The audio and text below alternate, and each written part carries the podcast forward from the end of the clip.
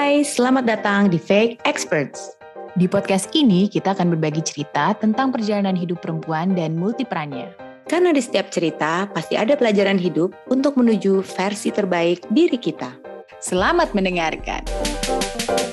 Hai, welcome back to Fake Experts. Hai. Setelah Apa kabar? Semoga sudah sehat ya. baik, sudah baik ya. Karena Ya, kita betul. berdua telah Alumni ya. masa sulit penyintas COVID. Saya udah master, Anda baru S1 ya. Ya, Jangan sampai jadi profesor.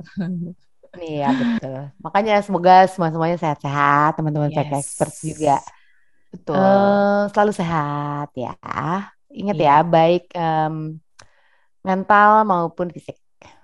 Ya, dan ternyata ada hikmah ya di balik isoman bersama keluarga. Itu kita jadi lebih mengenal.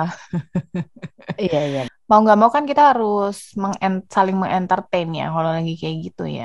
Kayak nggak bisa ke mana-mana. Even turun keluar Mm-mm. rumah aja kan takut ya gitu, takut nularin orang lain gitu. Jadi eh, benar-benar semakin mengenal anak kita. Teringat Love Language by Dr. Gary Chapman yang kena- pernah kita bahas di episode eh, marriage ya. Kesekian. Iya apa ya adaptasi pernikahan kalau nggak salah ya kita pernah bahas tapi sedikit eh, belum kita kupas tuntas. Ternyata Iya iya iya. love language ini bisa untuk berbagai hubungan gitu, bukan untuk suami istri aja, bukan untuk pasutri saja, tapi juga hubungan dengan anak gitu, orang tua dengan anak, bahkan dengan teman Iya. gitu ya. Iya benar sih.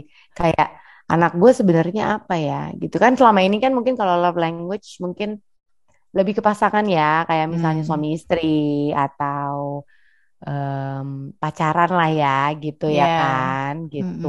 Karena kalau ke anak nih kayaknya, hmm, ya maksudnya nggak terlalu di, nggak terlalu terekspos lah gitu ya nggak sih kayak Iya, iya, ya udah gitu aja, lebih ke couples gitu. iya. Apa aja Tan, the five uh, love language mungkin pendengar fake Iya. experts harus di refresh uh, Mungkin udah pada hatam sih kayaknya ya kalau love language kan lagi kayak happening Di mana-mana banget gitu ya. sekarang ya. Cuman Mhm. untuk mengingatkan lagi karena kita mau bahas ada lima kan. Mm-mm. Eh, ada physical touch, terus words of affirmation, quality time, terus eh, gift ya, ngasih-ngasih hadiah gitu, sama acts of service. Tuh jadi ada lima tuh gitu. Terus gimana gitu? Misalkan kayak oke ada lima. Anak-anak kan sebenarnya kan lebih eh, susah mendeteksi nggak sih kadang-kadang kayak oh anak gue tuh apa gitu. Misalkan kalau misalkan udah Iya. dewasa nih kita bisa kayak baca terus kayak oh kayaknya ini gue nih karena gue memang merasa nah tapi kalau ketika ke anak kan kita nih yang harus kayak eh, observe ya Iya, gitu betul. kayak oh dikasih hadiah ternyata oh senang gitu tapi Mm-mm. kayaknya dia nggak minit deh gitu kan kita mesti kita mesti ini ya kayaknya oke dia senang-senang aja tuh berarti eh, berarti eh love language-nya tuh gift ya kalau dikasih kasih hadiah tuh senang padahal emang semua anak kan kalau dikasih barang baru seneng gak sih gitu maksudnya Iya. apakah itu gitu apakah normal kids aja yang kayak ya dikasih hadiah siapa yang nggak seneng sih udah gitu doang tapi ternyata tetap tidak me- memenuhi kebutuhan love language-nya ini gitu loh kebutuhan untuk needs-nya dia apa sih gitu Iya, oke. Kalau gitu kita coba identifikasi karena di salah satu artikel di parents.com ini ada nih dia kasih tahu contoh-contohnya. Coba kita sambil me, ini ya mengukur anak kita ya Tan ya. Kira-kira yang mana mereka gitu. nah benar benar benar benar. Nah, ini gue eh, di artikel parents.com ini dia kasih contoh nih. Jadi eh, nomor satu itu adalah anak-anak yang sering eh, ma- seneng main kayak dikelitik-kelitikin, dipeluk, di- main kejar-kejaran, terus dipeluk gitu kan kayak eh, apa? Terus kalau oh misalnya digandeng gitu kali ya Heeh, gitu. Atau dia yang duluan sering menggandeng kita, dia duluan yang sering memeluk kita. Terus kalau misalnya mungkin orang tuanya pulang kerja atau pulang dari luar rumah, waktu sampai di rumah dia Minta langsung gendong. Eh, eh, tipe yang langsung lari ke kita terus kayak langsung peluk gitu kan. Nah, itu berarti adalah anak yang eh, physical touch ya gitu love Ya, language jelas ya, physical touch ya, gitu ya ya. Ini kayaknya Nah, anak gue sih, Anak karena dia tuh yang suka ya. tiba-tiba, Heeh, ya, tahu ya. Dia suka tiba-tiba datang yang kayak meluk, Iya, iya, iya. eh, apa sih? Paling seneng tuh kalau misalnya kita pangku, gitu ya, Yes. kadel-kadel gitu emang Hmm. Ini banget juaranya dia. Ya, ini anak gue yang terakhir juga kayaknya. Karena dia anak terakhir tidur apa ya? pun, iya mungkin ya. Karena dia tidur pun harus dipeluk ya. Nah, Jadi, kan. eh-eh. dan itu Ini biasanya dia, proses separationnya agak susah ya kayaknya ya. Kalau anak-anak kayak gini nih yang kadling-kadling ini nih proses separationnya agak susah nih. iya betul. Karena ada anak-anak yang gue juga seneng gitu ya, eh, peluk-peluk anak gitu. Tapi kan ada yang kita tahu ya kalau dia yang initiate duluan, dia yang duluan nggak merasa terganggu gitu kalau kita peluk dan dia sering meluk duluan. Nah, itu mungkin bedanya ya. Yang lebih physical touch tuh berarti yang sering eh, berinisiatif eh, melakukan sentuhan-sentuhan kita gitu kan ke orang Iya tuanya. betul. Iya iya iya iya iya. Ini udah ini definitely anak gue yang satu itu. Nah, tapi terus bisa dilihat lagi nih berbanding dengan eh, love language lainnya. Mana yang Hmm. lebih tinggi kira-kira eh, skornya lah ya gitu di anak kita. Ya. Nah, yang kedua ini dia presence please katanya. Jadi Ah, ini selalu jelas ya. ya Selalu selalu minta kado hadiah ya. di reward ya untuk Mm-mm. segala hal. Itu dia pengen di reward. Ini kayaknya anak gue yang kedua ya seperti ini. Aku tahu, aku tahu. Karena setiap Iya, iya, iya. gue suruh sesuatu, bahkan mandi pun dia tanya, abis ini aku dapat apa katanya. Nah, nah, nah, nah. Tapi Ya, eh, ini agak tricky juga nih gitu. Ini kan eh, kadang ada memang hmm, tindakan orang tua ya, perilaku orang tua yang kayak pengen gampang aja lah gue gitu. Misalnya dari kecil Hmm. nih, kayak misalnya mengimingi ya. Gitu. Ayo cepetan mandi. Nanti aku Mm-mm. kasih, let's say permen. Mm-mm. Ayo kamu harus eh, sekolah sekarang atau sekolah yang pintar. Nanti kalau ranking satu aku kasih beli mainan gitu. Nah, Mm-mm. ini nih agak tricky kan gitu. Apakah karena itu atau memang karena love language-nya? Coba gimana nih Hmm. cara bedainnya? Iya, mungkin sih bisa nanti bisa dilihat nih kayak anak gue yang kedua ini nggak cuma present menurut gue, tapi dia juga nanti Mm-mm. ada love language yang satu lagi gitu. Kalau gue perhatiin selama ini ya. Nah, cuma eh, kalaupun ini gue nggak kasih ya dia akhirnya nggak nggak ngerasa down sih enggak ya gitu. Cuma ya itu mungkin kayak yang lo Mhm. bilang, mungkin karena gue terbiasa mengiminginya dulu ya. Ah, ya, ya, ya, ya. Jadi, jadi Dan itu lebih stuck di satu nih. anak dibanding anak lainnya gitu kan bisa jadi ya. Ah, nah terus tapi dia bilang nih si dokter Chapman kata kita juga ya kayak tadi udah lo bahas juga bahwa kita harus hati-hati tentang eh, overdoing ya jadinya keseringan ngasih juga salah gitu walaupun misalnya anak ini tipenya yang pengen di appreciate dengan barang dengan reward gitu nah itu Mhm. eh, mungkin kita harus pinter-pinter melihat juga ya situasinya gitu Ya, ya, ya, ya. Mungkin ya intinya sih apa yang berlebihan kan gak bagus ya gitu. Kayak kayak peluk-peluk-peluk terus juga kadang kan eh, mereka juga harus tahu timing ya gitu ya nggak sih kayak Mm-mm, mm-mm. gitu-gitu peluk gini kadang orang ada timingnya orang tua lagi begini ya lo nggak bisa gitu ya Ya. harus ada pemahaman-pemahaman lah tapi itu yang membuat dia kita tahu lah itu yang membuat dia eh, merasa Nyaman. dicintai gitu Mm-mm. ya Yes. Terus yang ketiga adalah talk to me. Nah, ini juga berarti eh apa ini tadi ya? Eh, words, Words of of affirmation. affirmation ya Ya, gitu jadi dia selalu butuh pujian-pujian gitu. Jadi kalau dia eh, melakukan sesuatu tuh pujian tuh rasanya bikin dia eh, melayang gitu ya, kayak berbunga-bunga banget gitu kan. Nah, benar-benar benar Nah, ini nih anak gue yang tadi gue bilang eh, apa namanya gift itu, nah kemungkin apa sama tingginya nilainya dengan dia eh, senang dipuji. Jadi em, dia juga selalu kayak mempertanyakan gue kalau gue reaksinya kurang wah gitu ya terhadap suatu achievement dia, dia kan tanya, kok ibu kayaknya nggak seneng sih? Gitu. Jadi gue harus yang kayak wah keren banget gitu Ya ya ya ya. Ini anak gue yang yang kedua nih, yang si touch tadi nih kayaknya ada ininya juga nih. iya iya iya iya. Ada ininya juga karena kayak kalau misalnya aku nanti udah besar, pokoknya gue tuh bakal selalu mencintai my mom gitu. Kayak Hmm. gitu-gitu tau gak sih lah yang jadi memang berarti kan itu menunjukkan bahwa dia juga butuh digituin ya. Selalu tuh karena itu pertanyaan itu, perkataan itu tuh selalu dia ulang-ulang sebelum tidur, lagi kadel-kadel, terus nanti dia nanya kayak gitu-gitu. Iya, Ini benar. berarti kayaknya ini juga termasuk.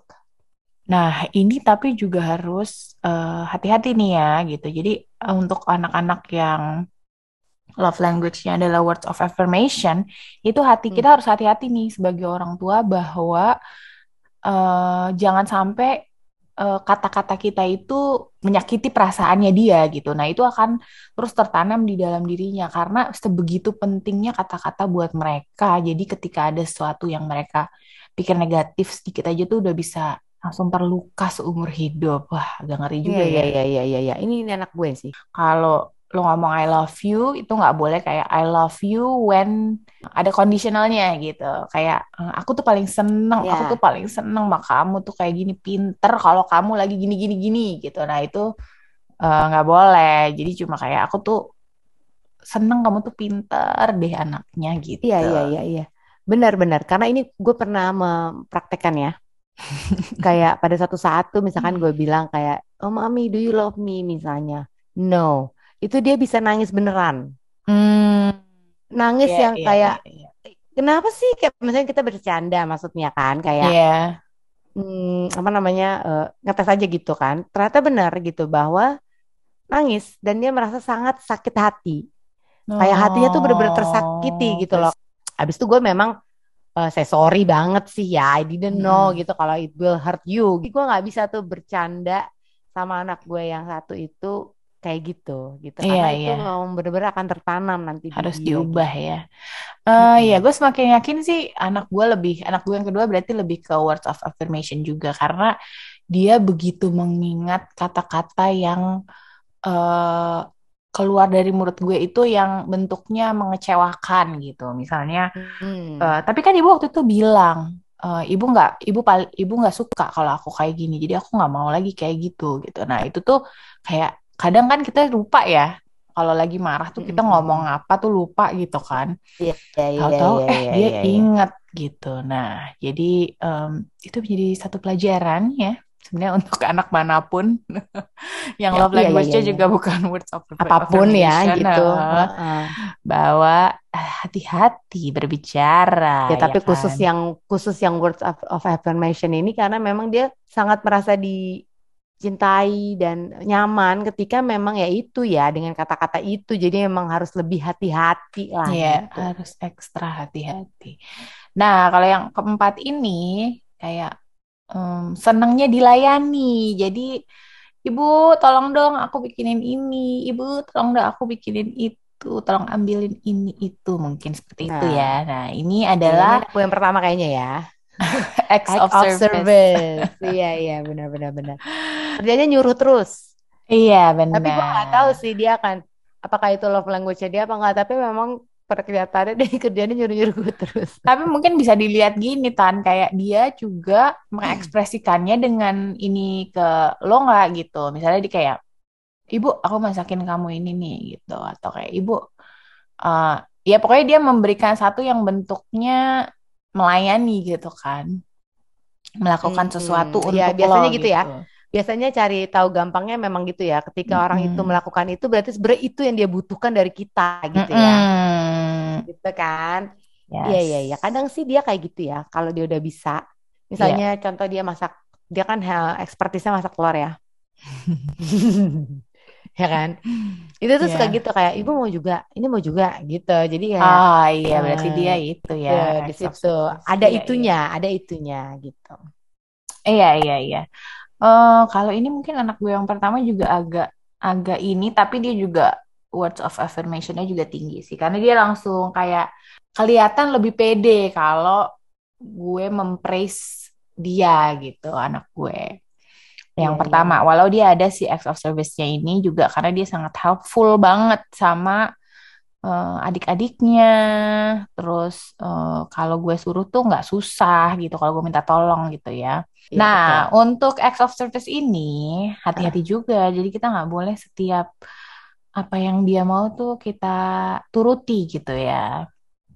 Apa yang dia minta eh, kita turuti gitu. Jadi hati-hati kalau kita melakukan apa segala sesuatunya nanti dia malah jadi keenakan gitu kan, nggak bisa taking care of eh, dirinya Hmm. sendiri Iya gitu. ya, karena kita karena dia pengennya dilayani terus, kita layani terus, akhirnya dia nggak menjadi anak yang mandiri gitu, ya kan? Yes.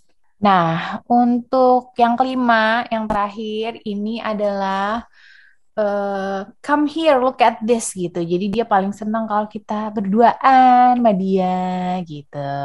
Eh, spending some time dengan dia. Nah, ini berarti sih quality time ya. Eh, love Iya iya iya language-nya iya. quality time. Ya ini anak gue sih, yang gede Hmm, kayaknya ada hmm. ininya juga. Walaupun sekarang kalau udah gede udah agak rancu ya.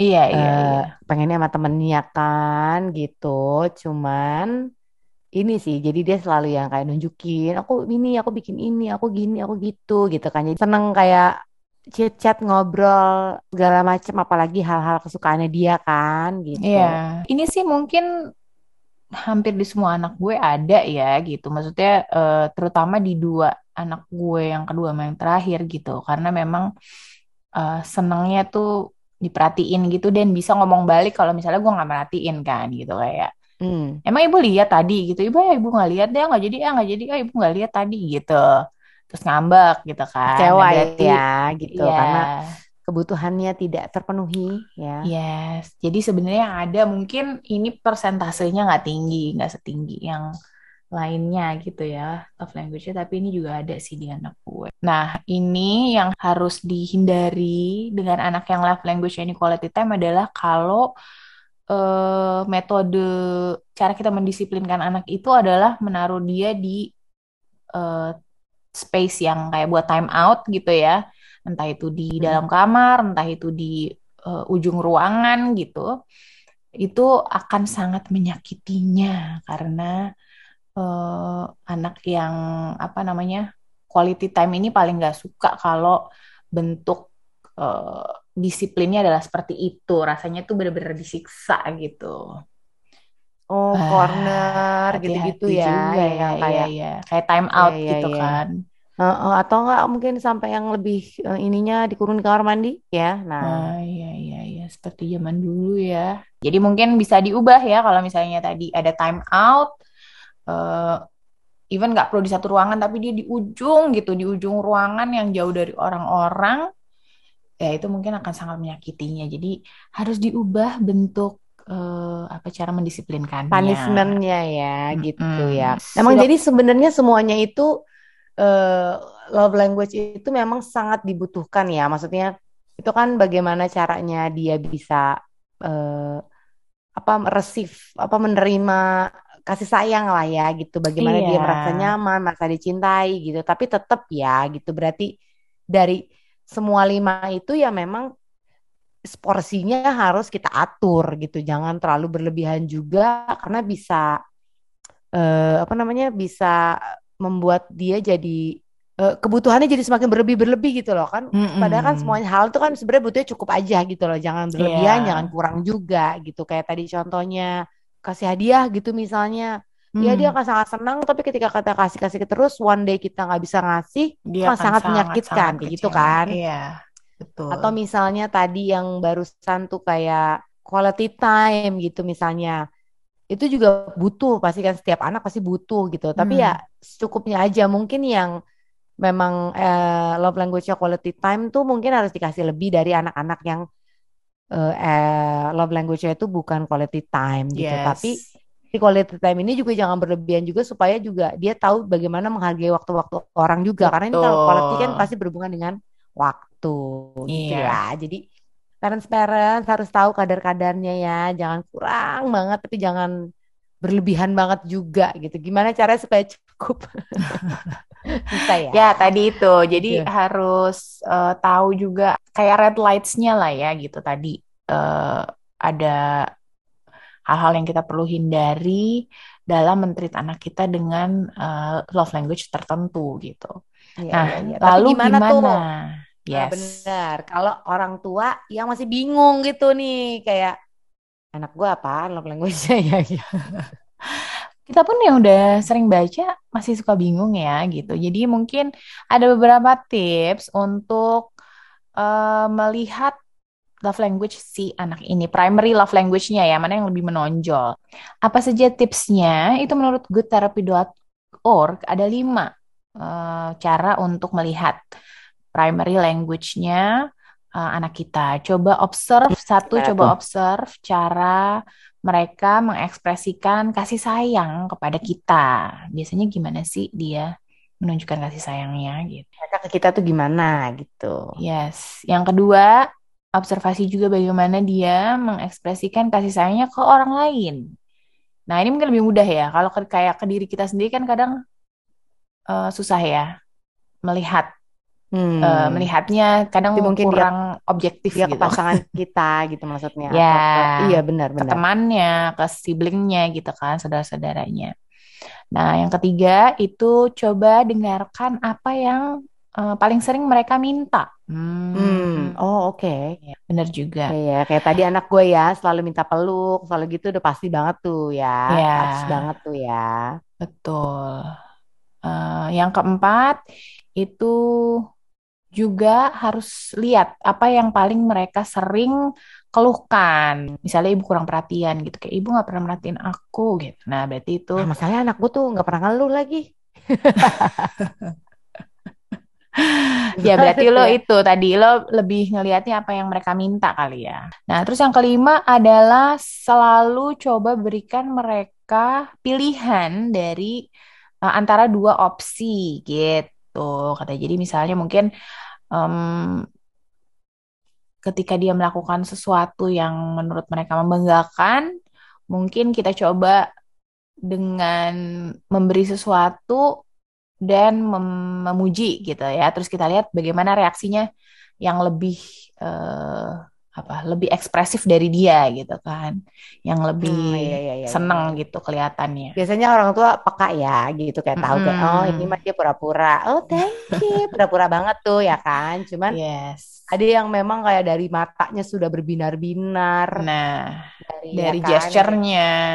Menarik sekali, ini menjadi PR buat kita ya untuk lebih mengenal anak kita, gitu kan. Dan kita juga bisa jadi berkomunikasi lebih baik ya, semoga kalau kita udah saling tahu love language-nya kita dan anak kita. Gitu, Iya, benar-benar ya. Jadi, eh cintanya tepat ya gitu ya nggak sih kayak oh oke Mm-mm. kita ngasih sesuatu yang memang eh, dibutuhkan sama anak kita harapannya supaya nanti ketika dia tumbuh dewasa tuh menjadi manusia yang penuh cinta. Ah, indah sekali. Please subscribe our podcast, Fake Experts, and follow our Instagram at fake.experts. Fake experts.